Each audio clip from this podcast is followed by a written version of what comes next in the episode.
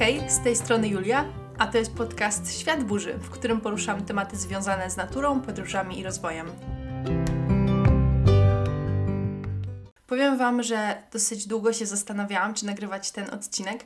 Ostatni odcinek pojawił się kilka dni po tym, jak wybuchła wojna na Ukrainie. I to mnie właściwie nic nie kosztowało, dlatego że ten odcinek nagrywałyśmy z Olką wcześniej. Był to odcinek o Słowenii. I po prostu wystarczyło, że go wrzuciłam do internetu i dalej się zastanawiałam, czy kontynuować tą działalność Świata Burzy, czy nie zawiesić może e, mojego podcastu, dlatego że poruszam tu tematy właśnie związane z rozwojem i z podróżami, ale czy to jest odpowiedni moment, żeby poruszać takie tematy, kiedy dosłownie obok nas dzieją się straszne rzeczy. Mhm, ale pomyślałam, że może nagram odcinek, który chciałam nagrać już od dłuższego czasu i tak szczerze myślę, że sama go e, teraz bardzo potrzebuję, nie tylko ze względu na to, co się dzieje na Ukrainie, ale również z tego powodu, że u mnie w życiu prywatnym czeka mnie trochę dużych zmian. Myślę, że już mogę się podzielić tą informacją w podcaście, że przeprowadzam się do Krakowa i jednocześnie też zacznę studia magisterskie. I w ostatnim roku sporo podróżowałam, ale widzę, że wyjechanie gdzieś nawet na długi czas, nawet na miesiąc, to jest coś zupełnie innego niż przeprowadzka. I zauważyłam, że w ostatnim czasie po prostu bardzo się przejmuję tym wszystkim i dużo się martwię.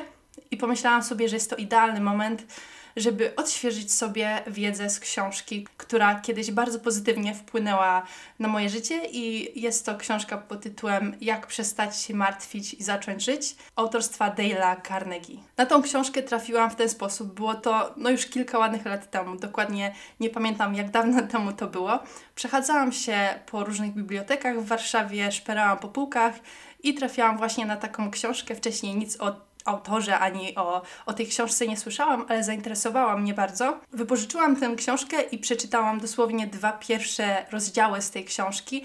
I te dwa rozdziały wystarczyły, żeby zmienić moje podejście do zmartwień i żeby drastycznie zmniejszyć ilość moich zmartwień. I mimo tego, że te dwa pierwsze rozdziały z tej książki bardzo mi pomogły, to porzuciłam ją na dłuższy czas i planowałam do niej dłuższy czas wrócić.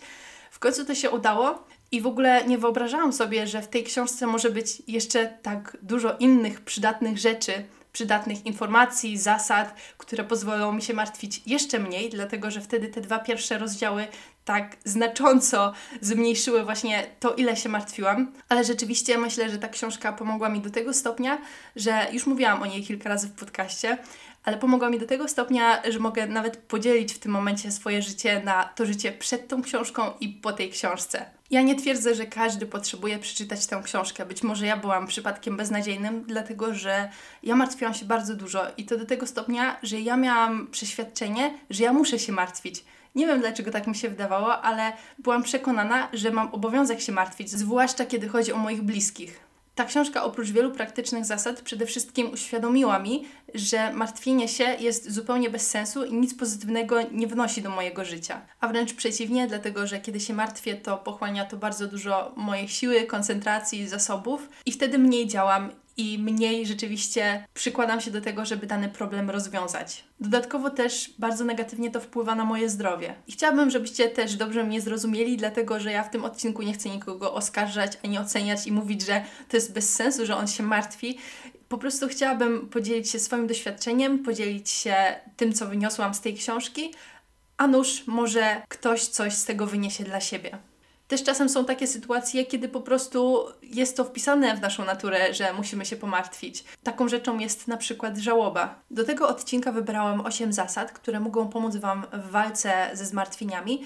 Jednak właśnie tak się zastanawiałam, dlatego że kiedy ja czytałam książkę Dale'a Carnegie o tym, jak przestać się martwić i zacząć żyć, kiedy ja czytam książki, zazwyczaj jest to rozłożone w czasie i wtedy mam czas to wszystko przetrawić, przemyśleć, powoli zacząć stosować. I myślę, że to, że wracam do danego tematu, do danej książki każdego wieczoru i czytam sobie to powoli i po trochu, to pomaga mi to z tej książki wyciągnąć jak najwięcej. I zdaję sobie sprawę z tego, że nie da się od razu zastosować tych wszystkich zasad. I nawet jeżeli ten odcinek wyjdzie długi, a pewnie wyjdzie długi, bo widzę, że już wstęp mi się strasznie rozciąga, to podejrzewam, że w żaden sposób nie będzie się mogło to równać z książką, gdzie jest podanych mnóstwo przykładów oraz mnóstwo wyjaśnień. Dlatego w opisie do tego odcinka spiszę te wszystkie zasady, znajdziecie tam też spis treści i zachęcam Was do tego, żeby po jakimś czasie wrócić do tego spisu treści jeszcze raz spojrzeć na te zasady. I jeżeli ten odcinek chociaż trochę Wam się spodoba, to również bardzo zachęcam Was do przeczytania tej książki. Pierwsza zasada jest to zasada właśnie, z którą spotkałam się podczas mojego pierwszego epizodu z tą książką, która niesamowicie mi pomogła.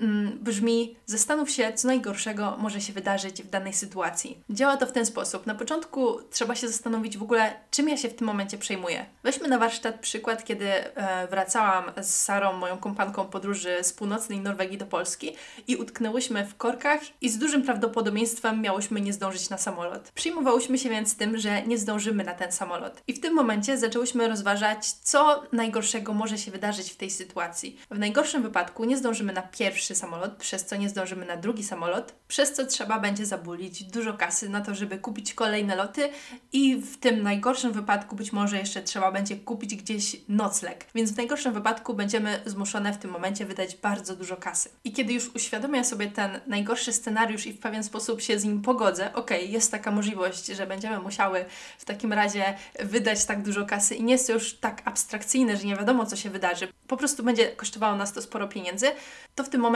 możemy podjąć działania, dzięki którym uratujemy tak dużo, jak tylko się da. Czyli w tym momencie z Sarą, kiedy stałyśmy w korku i nie wiedziałyśmy, czy ten nasz autokar ruszy za 3 godziny, za 6 godzin, czy może za 5 minut, to była taka sytuacja, że była akurat śliska droga. My byłyśmy w tej północnej Norwegii, jechałyśmy do Trumzo, byłyśmy jakieś pół godziny przed lotniskiem, tylko że tam większość dróg, a przynajmniej tych dróg, po których my jeździłyśmy, były drogami jednopasmowymi, był tylko jeden pas i w momencie, kiedy właśnie był śmiertelny wypadek, to w tym momencie cała ta droga była zablokowana. Rozważyłyśmy dostępne opcje i miałyśmy już konkretny plan, że jeżeli nie ruszymy w ciągu 5 minut, to wtedy przebukowujemy nasz bilet. Jeżeli ktoś z Was nie słuchał odcinka o tym, jak wracamy z północnej Norwegii, to powiem, że ruszyłyśmy po 6 minutach i zdążyłyśmy na ten samolot, chociaż wszystko postawiłyśmy na jedną kartę, w końcu nie kupowałyśmy nowego biletu.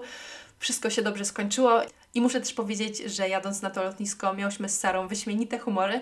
No może to trochę za dużo powiedziane, ale wiedziałyśmy, że jakoś sobie poradzimy i powtarzałyśmy nasze motto, że coś wymyślimy oraz nasze drugie motto, dlatego że właściwie wiele razy wypowiadałyśmy te słowa, będąc w tej północnej Norwegii, że w najgorszym wypadku i powiem Wam, że odkąd zaczęłam stosować tę zasadę, uważam, że sprawdza się ona u mnie genialnie. To bardzo często powtarzam właśnie te słowa w różnych trudnych sytuacjach, jak nawyk. Kiedy coś się złego dzieje, od razu mówię, w najgorszym wypadku będzie to i to ten sposób już się przygotowuję na tę sytuację, jestem na nią gotowa, zanim się jeszcze wydarzy, i ponieważ już zdążę się pogodzić z tym najgorszym scenariuszem, mam wolny umysł do tego, żeby działać, żeby podjąć jakieś działania i wymyśleć jakieś sensowne rozwiązanie. Kolejnym plusem, kolejnym aspektem tej zasady jest to, że kiedy wyobrażę już sobie te wszystkie najgorsze scenariusze, to uświadamiam sobie, że prawdopodobnie większość z nich nigdy się nie wydarzy. I wtedy uświadamiam sobie, że wcale nie jestem w aż tak złej sytuacji. Jakaś osoba kiedyś mi powiedziała, że ta zasada jest dosyć ryzykowna, dlatego że może sprawić, że ktoś właśnie zacznie sobie wyobrażać te wszystkie złe scenariusze i w ten sposób jeszcze bardziej się pogrążę w tych zmartwieniach. Nie jestem pewna, czy ta zasada byłaby perfekcyjna dla każdego.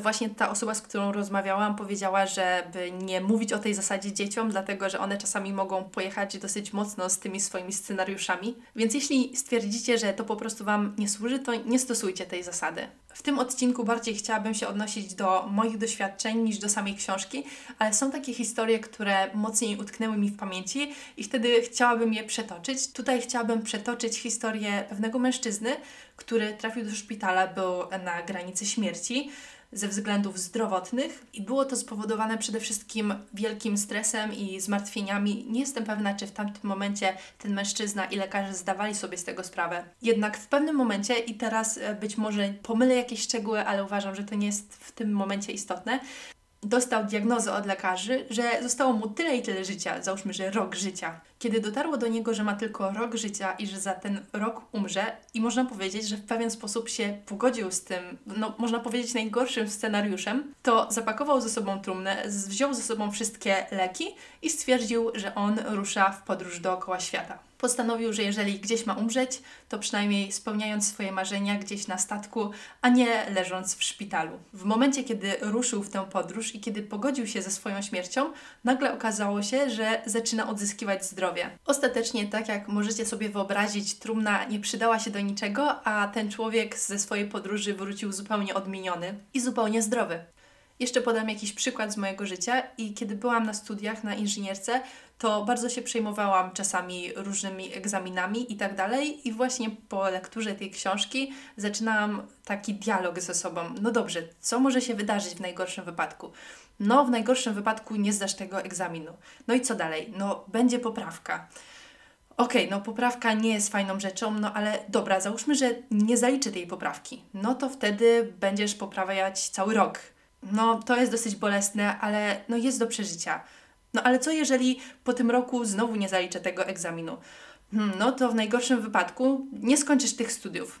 No i no to nie jest przyjemna myśl, ale tak naprawdę nawet jeżeli nie skończę tych studiów, to nadal świat się nie zawalił i nie jestem wcale w tak złej pozycji. Cały czas właściwie jestem w bardzo dobrej pozycji. I po pierwsze, ten najgorszy scenariusz, nawet kiedy bardzo się stresowałam przed tym egzaminem, no byłam świadoma, że raczej jest małe prawdopodobieństwo, że będzie miał miejsce.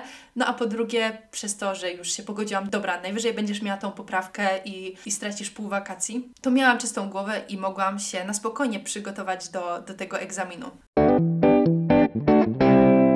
Kolejna, druga zasada to żyj odgrodzony od przyszłości i przeszłości.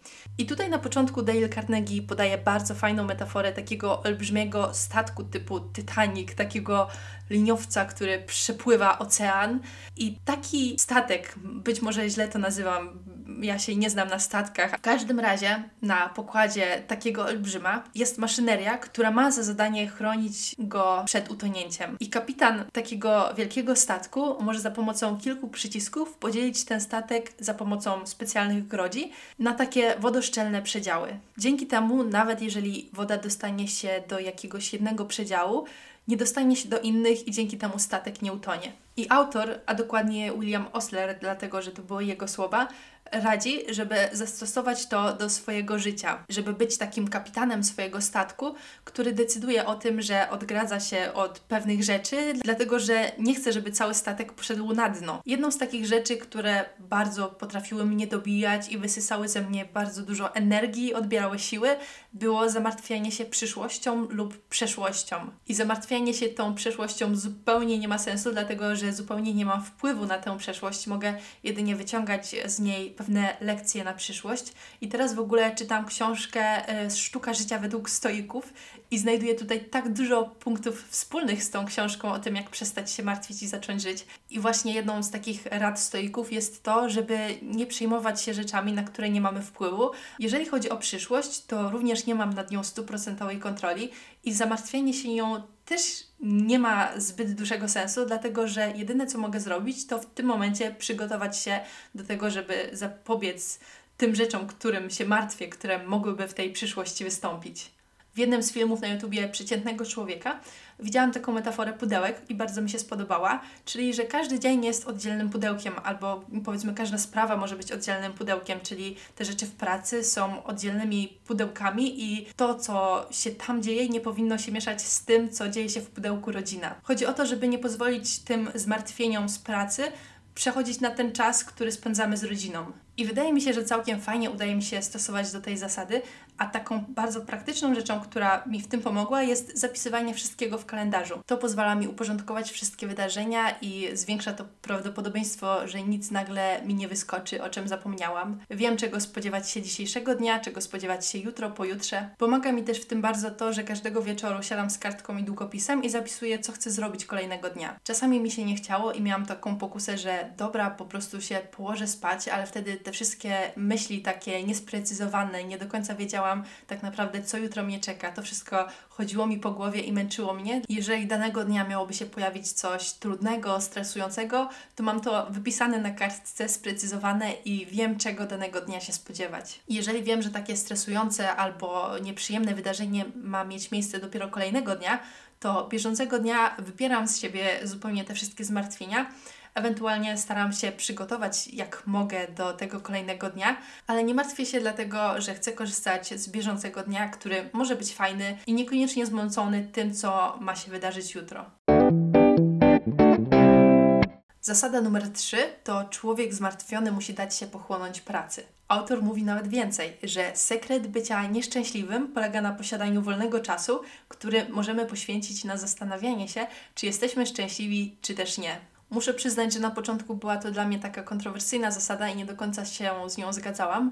Jednak z perspektywy czasu widzę, że rzeczywiście czasami, kiedy czymś się martwię, to to, że mogę, a nawet muszę czasem zająć się innymi tematami, jest dla mnie błogosławieństwem. Pamiętam, że kiedy mój dziadek był bardzo chory, właściwie był już umierający, to bardzo się tym przejmowałam i dużo o tym myślałam, a jednocześnie też e, właściwie nie mogłam mu w żaden sposób pomóc. I tego dnia byłam umówiona z koleżanką na zajęcia sportowe i ja bardzo te zajęcia lubiłam, zawsze się dobrze podczas nich bawiłam, ale tego dnia miałam takie myśli, że chyba po prostu na nie nie pójdę i że je odwołam. Nie wiem dlaczego w końcu tego nie zrobiłam, jednak dzięki temu, że na nie poszłam, to przez te dwie godziny udało mi się zupełnie zapomnieć o tej sytuacji, na którą zupełnie nie mam wpływu. Po zajęciach cały czas byłam przejęta tą sytuacją z dziadkiem i mocno mi to ciążyło, ale dzięki tym zajęciom mogłam jakoś ruszyć do przodu i zabrać się za różne swoje obowiązki. No właśnie, no bo w tej zasadzie nawet nie chodzi o to, żeby zająć się czymś, co przybliży nas do rozwiązania danego problemu, dlatego że czasami po prostu nie ma się wpływu na tę sytuację, nie da się tego rozwiązać, ale po prostu, żeby zająć swój umysł czymś innym, żeby on przestał marnować się w tym całym zmartwieniu i żeby ruszyć do przodu. I myślę, że drugą pozytywną rzeczą, którą daje działanie i robienie czegoś, jest poczucie sprawczości. Dlatego, że jeżeli ja się czymś bardzo przejmuję, to czasami ten mały problem potrafi bardzo, bardzo urosnąć i wtedy już mam wrażenie, że w sumie to nic nie ma sensu. A dzięki temu, że zaczynam coś robić, nawet takie bardzo proste rzeczy jak posprzątanie swojego pokoju, to odzyskuję pewną kontrolę nad swoim życiem i dzięki temu poczuciu sprawczości mam więcej pewności, no i, i, i mogę po prostu żyć dalej. Jednak jest pewien sposób na to, żeby nie pozwolić danemu problemowi urosnąć do czegoś ogromnej rangi, co zajmuje bardzo dużo przestrzeni, pompuje się jak taki balon i nagle zajmuje bardzo dużo przestrzeni w naszej głowie. Jest to bardzo prosta rzecz i nie chciałam od tej zasady zaczynać tego odcinka, dlatego że być może nie jest to jakieś bardzo atrakcyjne ani odkrywcze, być może o tym słyszeliście, ale jest to naprawdę bardzo pomocne jest to po prostu wypisanie problemów na kartce. Kiedy wypisuję na kartce te wszystkie swoje zmartwienia, to pozwala mi to sprecyzować te swoje zmartwienia, uporządkować je. I jest też dodatkowy aspekt taki, że kiedy siadam z tą kartką papieru i wydaje mi się, że tak nie wiadomo, jak dużo rzeczy mam na głowie, i zaczynam wypisywać pierwszy, drugi, piętnasty punkt, nawet dwudziesty czy powiedzmy trzydziesty, ale w pewnym momencie trafiam na ścianę i no, w pewnym momencie wydaje mi się, że jest taki moment, że nie da się już wypisać więcej tych zmartwień, którymi się przejmujemy. Nie da się już wypisać więcej rzeczy, o które się martwimy. Podejrzewam, że można w tym popłynąć i można zacząć wypisywać chociażby różne straszne rzeczy, które dzieją się na świecie. Jednak tutaj też trafiam na to pytanie wtedy, czy ja mam wpływ na te rzeczy. Ale załóżmy, że wypisałam już sobie listę tych 20 rzeczy, którymi się martwię, i teraz, kiedy mam już to konkretnie w podpunktach na kartce, mogę zacząć nad tym jakoś pracować. Czasami dochodzę do wniosku, że niektórymi rzeczami w ogóle nie warto się przejmować i po prostu je wykreślam. A jeżeli jest już jakiś grubszy problem, to wtedy zastanawiam się, co mogę z tym zrobić. Mogę się też zastanowić, jaka jest tego przyczyna. Zastanawiam się, jakie są możliwe rozwiązania tego problemu i staram się wybrać najlepsze rozwiązanie. I tak właśnie było przed wyjazdem do Słowenii. E, i Max jest mi świadkiem, dlatego że wtedy sporo do niej pisałam i mówiłam, że się stresuję, dlatego że były tam pewne nieścisłości związane z COVID-em i z podróżowaniem. I czułam, jak ten stres we mnie narasta, jak się czymś martwię, ale w sumie sama nie wiem do końca czym, więc wtedy właśnie usiadłam i spisałam sobie te wszystkie rzeczy, którymi wydawało mi się, że się martwię. No i wtedy mogłam podjąć działania, dlatego że zdecydowałam, że niektóre rzeczy są drobiazgami i nie warto się nimi przejmować. Na niektóre rzeczy nie mam wpływu, a niektóre rzeczy prawdopodobnie w ogóle się nie wydarzą. No i podjęłam działania, jakie mogłam. Nie będę tu wchodzić w szczegóły, bo nie ma co tu się nad tym rozwodzić, ale generalnie chodziło o te obostrzenia w różnych krajach związane z COVID-em. To też nie jest tak, że ja za każdym razem siadam e, z tą kartką papieru i długopisem, ale mam już taki nawyk, że kiedy czuję, że narasta we mnie jakiś stres, jakieś zmartwienie, to zaczynam dialog z samą sobą i pytam siebie, ale chwilę, czym ty się w ogóle przejmujesz? A czasami taki dialog zaczyna ze mną mój chłopak, kiedy widzi, że czymś się zaczynam martwić, i myślę, że to też jest bardzo pomocne porozmawiać z drugą osobą, dlatego że Czasami ona potrafi z większym dystansem spojrzeć na daną sytuację i pokazać, że właściwie nie ma się czym przejmować, albo pokazać jakieś możliwe rozwiązania. Zasada numer 5, trochę ją już poruszyłam e, i brzmi ona: nie przejmuj się drobiazgami. Znowu odwołam się do przykładu Titanica. Możesz sobie wyobrazić, że płyniesz na takim Titaniku, nagle uderzasz w ogromny lodowiec, statek tonie i czy w tym momencie zaczynasz się martwić tym, że rano pani w bufecie na ciebie krzywo spojrzała, albo tym, że obiad był niesmaczny, albo że przytyło ci się ostatnio parę kilogramów i masz dodatkową fałdkę, albo powiększający się zakola, czy złamany paznokieć? Myślę, że chwile takie jak te mogą weryfikować to, co w życiu jest naprawdę ważne. I kiedyś czyjeś krzywe spojrzenie potrafiło bardzo na mnie wpłynąć i zepsuć mi pół dnia, i ja dalej przejmuję się tym, co inne osoby o mnie myślą, to jest coś, nad czym cały czas bardzo pracuję. Jednak bardzo staram się nie poświęcać swojej energii i czasu na rzeczy, o których za jakiś czas nie będę pamiętała. I o rany, ja nie lubię tego sformułowania, że życie jest krótkie, ale chodzi o to, że ten czas jest ograniczony. I jeżeli postanowię, że będę się przejmować tym, że ostatnio na bookingu oszukali mnie na 40 zł, to ten czas, który poświęcę na to zamartwienie się, nie poświęcę na inne fajne rzeczy. I w momencie, kiedy doszłam do wniosku, że za bardzo nie ma co z tym zrobić, a przynajmniej kosztowałoby mnie to za dużo energii, żeby teraz dobijać się do bookingu i walczyć o swoje 40 zł, to chciałam przeboleć to jak najszybciej i przestać się tym przejmować. Chociaż kiedy teraz sobie o tym przypomniałam, to znowu się czuję trochę wkurzona i generalnie to jest takie nie w porządku, kiedy jest się na tej ostatniej stronie i tam są wszystkie informacje na temat terminu i tak dalej i ceny, to nie da się zrobić screena. I nawet nie mam dowodu na to, że ten pokój, który wynajmowałam, że wcześniej kosztował mniej, bo na Paragonie jest już ta wyższa cena. Więc dwa wnioski płynące z tej zasady. Nie przejmujcie się drobiazgami i róbcie zdjęcia jakimś dodatkowym telefonem ekranu, kiedy jesteście na podsumowaniu zamówienia z bookingu. Zasada numer 6. Na każdą dolegliwość pod słońcem jest lekarstwo albo nie ma. Jeśli takie istnieje, spróbuj go znaleźć. Jeśli nie ma, nieważne. Ma to właśnie też trochę związek z tym, o czym już mówiłam w tym odcinku, czyli nie przejmowanie się rzeczami, które są od nas niezależne. Myślę, że ta zasada też wiąże się z takim znanym powiedzeniem, czyli nie płacz nad rozlanym mlekiem to skoro już tak lecę różnymi powiedzeniami, to powiem jeszcze jedno, które bardzo mi się podoba. Boże, proszę daj mi siłę, abym pogodził się z tym, czego zmienić nie mogę. Odwagę, abym zmienił to, co zmienić mogę i mądrość, abym potrafił odróżnić jedno od drugiego. Wydaje mi się, że całkiem dobrze sobie radzę z nieprzejmowaniem się rzeczami, na które nie mam wpływu. Myślę, że to może się też wiązać z taką moją postawą, że ja się pogodziłam z tym, że niektórych błędów po prostu nie uniknę, mimo że oczywiście nie zwalnia mnie to z tego, żeby jak najbardziej się starać ich unikać, ale pogodziłam się już z tym, że z dużym prawdopodobieństwem stukę w swoim życiu jeszcze jakiś telefon albo kupię nie ten bilet, co trzeba i z tego powodu stracę jakieś pieniądze. I żeby nie było, ja naprawdę bardzo staram się unikać tego wszystkiego, ale kiedy już to następuje, to myślę, że jest mi całkiem łatwo się z tym pogodzić. Już mija około roku od momentu, w którym mój chłopak połamał się na stoku, na snowboardzie i nie chcę się tu wdawać w szczegóły, wiem, że też niektóre osoby nie lubią, kiedy się y, mówi o połamanych kościach. W każdym razie no, sytuacja była dosyć poważna i było duże ryzyko, że ta kość się nie zrośnie, a jeżeli ona się nie zrośnie, to z tym wiązały się no, bardzo nieprzyjemne konsekwencje i to mogłoby się ciągnąć latami i tak dalej. Był to bardzo trudny czas dla mojego chłopaka. On wtedy miał gips od pępka po szyję i miał unieruchomioną jedną rękę. I do tej sytuacji jeszcze wrócę w jednej z kolejnych zasad, ale to, co chciałam powiedzieć, że właśnie to ryzyko, że ta kość może się nie zrosnąć, było dosyć niepokojące.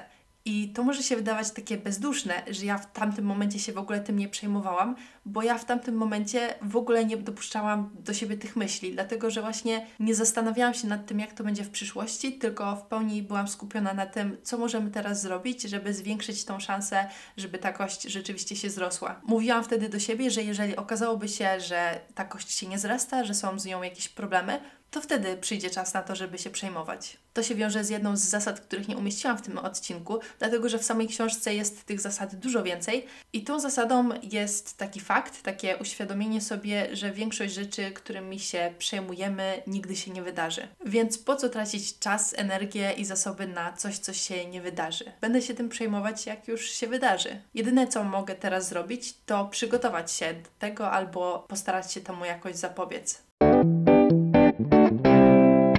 Kolejną zasadą, którą w sumie bardzo lubię, jest zasada numer 7 i jest nią zmiana perspektywy, albo inaczej zamiana minusów w plusy. I zacznijmy może od dwóch cytatów Williama Bolito. Pierwszy z nich leci tak. Najważniejsze w życiu nie jest kapitalizowanie naszych osiągnięć. To potrafi nawet głupiec. Najważniejsze jest w życiu czerpanie korzyści z porażek. Umiejętność ta wymaga inteligencji i odróżnia głupca od mędrca. A drugi jego cytat, który też bardzo lubię, to Dwóch ludzi wyglądało przez więzienne kraty. Jeden widział błoto, drugi widział gwiazdy. Zmiana perspektywy potrafi tak dużo wnieść i w ogóle zmienić podejście do danej sytuacji i rzeczywiście potrafi być bardzo pomocna w walce ze zmartwieniami. Może podam kilka takich, powiedzmy, życiowych przykładów.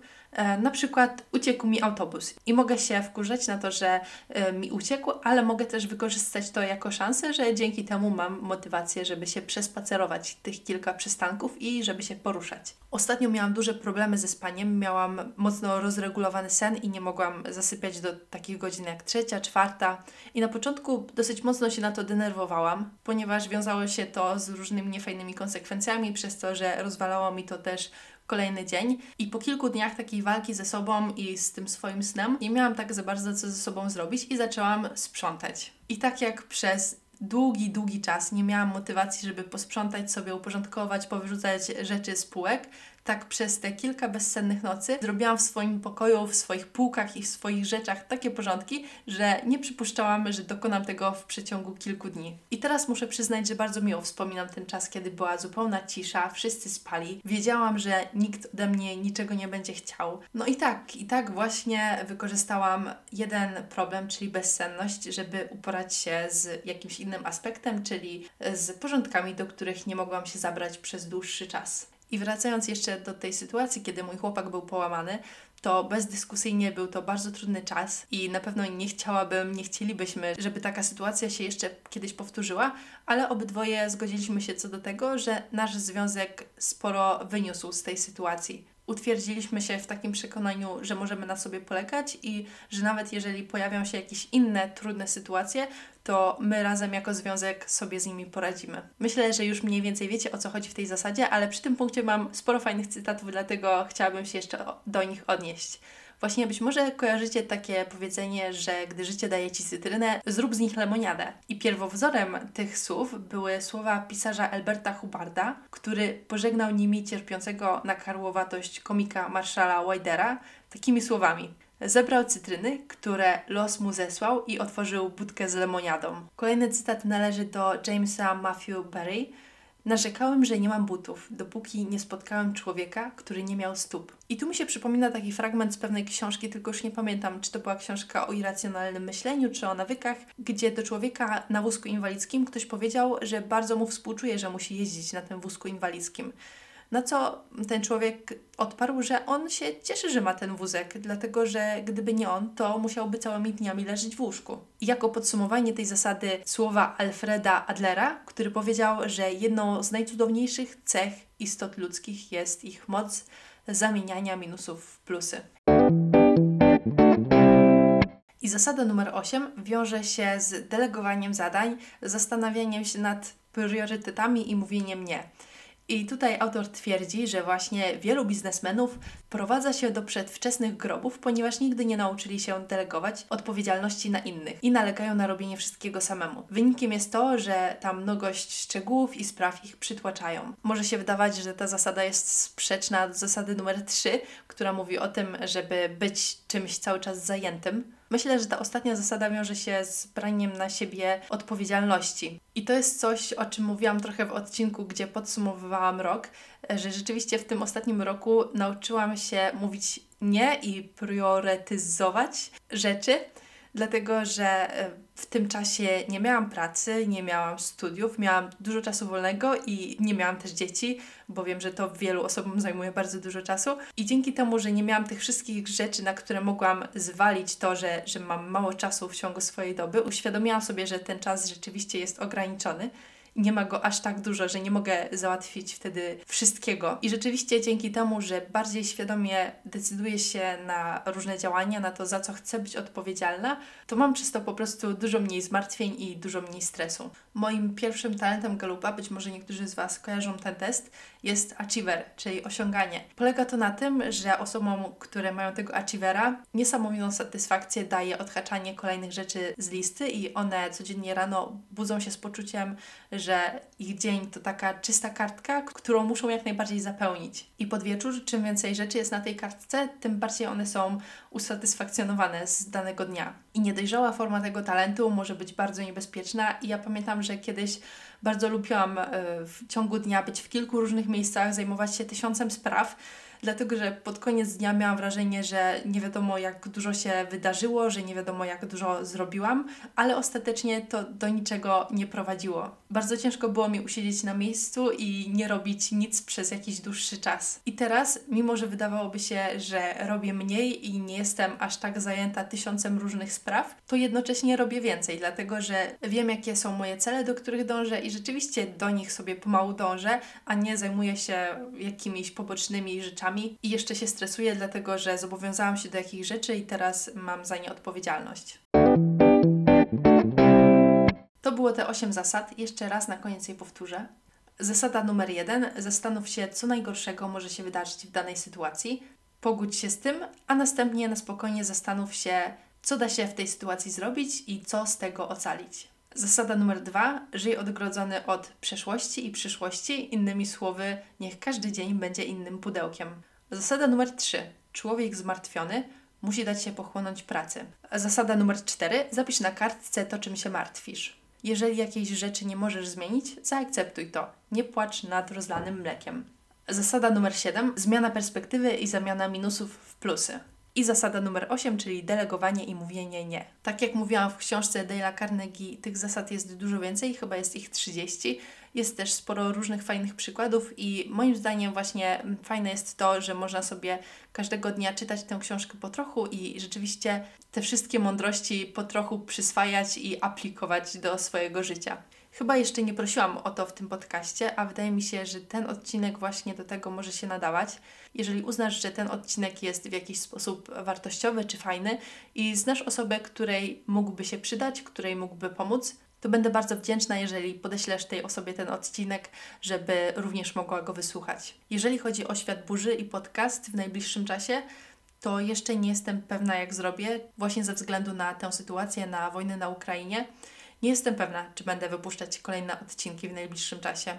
W każdym razie, jeżeli chcielibyście się ze mną skontaktować, to możecie to zrobić przez moje social media, przez Facebooka czy Instagrama o tej samej nazwie Świat Burzy. Dziękuję Wam bardzo za wysłuchanie tego odcinka i do usłyszenia. Cześć!